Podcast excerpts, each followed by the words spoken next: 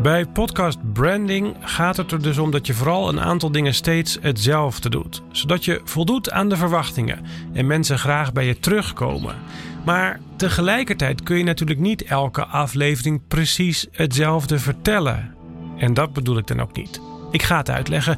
Dit is Kennisbank aflevering 18, podcast branding, inhoud, vorm, lengte en frequentie. Ik ben Hajo Magree. Tussen de Oren, de podcast over podcasting van NAP1. Wij maken audiocontent. Zometeen kom ik terug op vorm, lengte en frequentie. Maar ik begin met die inhoud. Kijk, de inhoud van je podcast moet natuurlijk elke aflevering steeds anders zijn. Geen herhaling van zetten. Maar we hebben het hier al over gehad. In je podcaststrategie heb je bedacht wie jij bent en wat je te vertellen hebt. Wat je te vertellen hebt in algemene zin. En om een brand, een merk te maken van je podcast, is het een kwestie van stick to it. Gewoon doen. Niet alleen op een beleidspapiertje opschrijven wat voor soort verhalen je gaat maken, maar ook echt alleen dat soort verhalen maken. Om het even heel simpel te zeggen, als je bedacht hebt dat je als bakker een podcastserie gaat maken over het bakken van taarten en cakes, dan is de verleiding misschien groot om ook eens een aflevering te maken over het bakken van brood. En dat zou bij wijze van uitzondering dan misschien nog net een keer kunnen.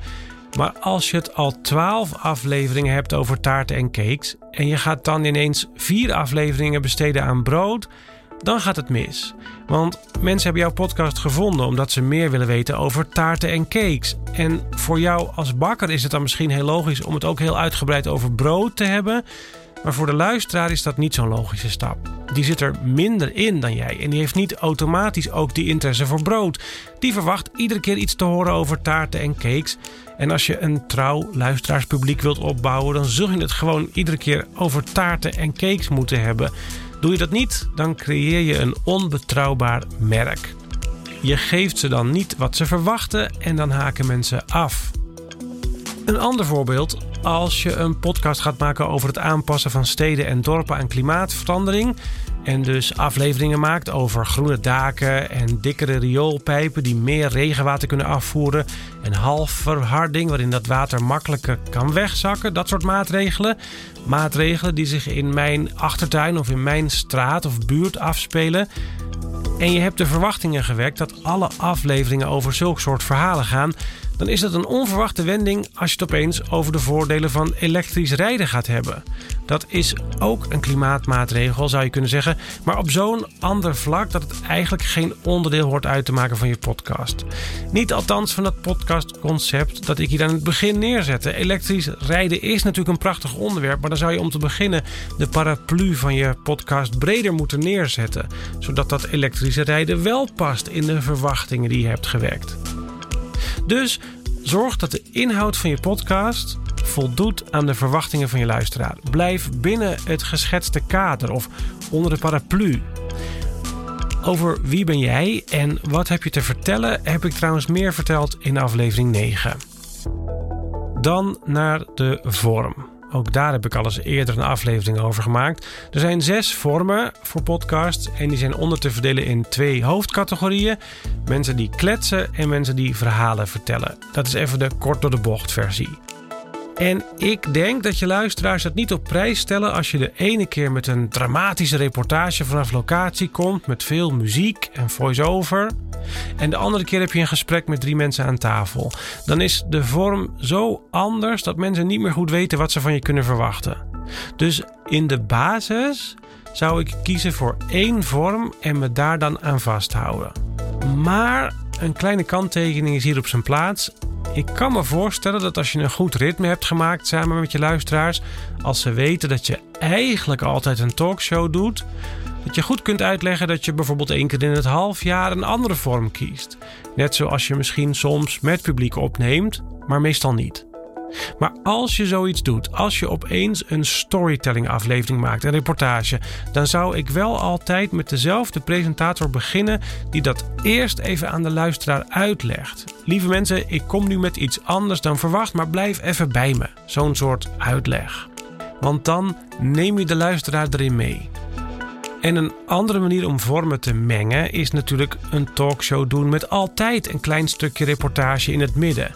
In tv-termen noemen we dat een instart. Als je dat altijd doet, dan kun je die vormen natuurlijk uitstekend mengen. Dat wat betreft de vorm, die eerdere aflevering over de vorm van je podcast is aflevering 13. Dan de lengte. Dat is eigenlijk een heel eenvoudige. Probeer elke aflevering ongeveer van dezelfde lengte te maken. Mensen organiseren het luisteren van een podcast, waar ze regelmatig naar luisteren, vaak op een bepaalde manier in hun dagelijks leven. En als ze weten dat jouw podcast altijd ongeveer 20 minuten is, dan weten ze ook dat ze in die tijd op de fiets precies van A naar B kunnen. Of als het 40 minuten is, dan weten ze dat ze hem tussendoor precies in het midden in tweeën kunnen knippen, grofweg. En daar hoef je je natuurlijk niet op de minuut nauwkeurig aan te houden, maar de ene keer 20 minuten en de andere keer anderhalf uur. Dat is wel heel erg spelen met het verwachtingspatroon. Je ziet dat heel mooi bij NRC vandaag. Die zijn altijd ongeveer 20 minuten. De ene keer 21, soms 18, maar veel meer bandbreedte pakken ze niet. Meer over de lengte van je podcast heb ik besproken in aflevering 16. En tot slot de frequentie. Daar kan ik ook wel vrij kort in zijn. Zo regelmatig mogelijk, met een voorkeur zelfs voor iedere week. Ja, en als kanttekening heb ik daar dan altijd bij dat dat lang niet voor alle podcasters haalbaar is iedere week.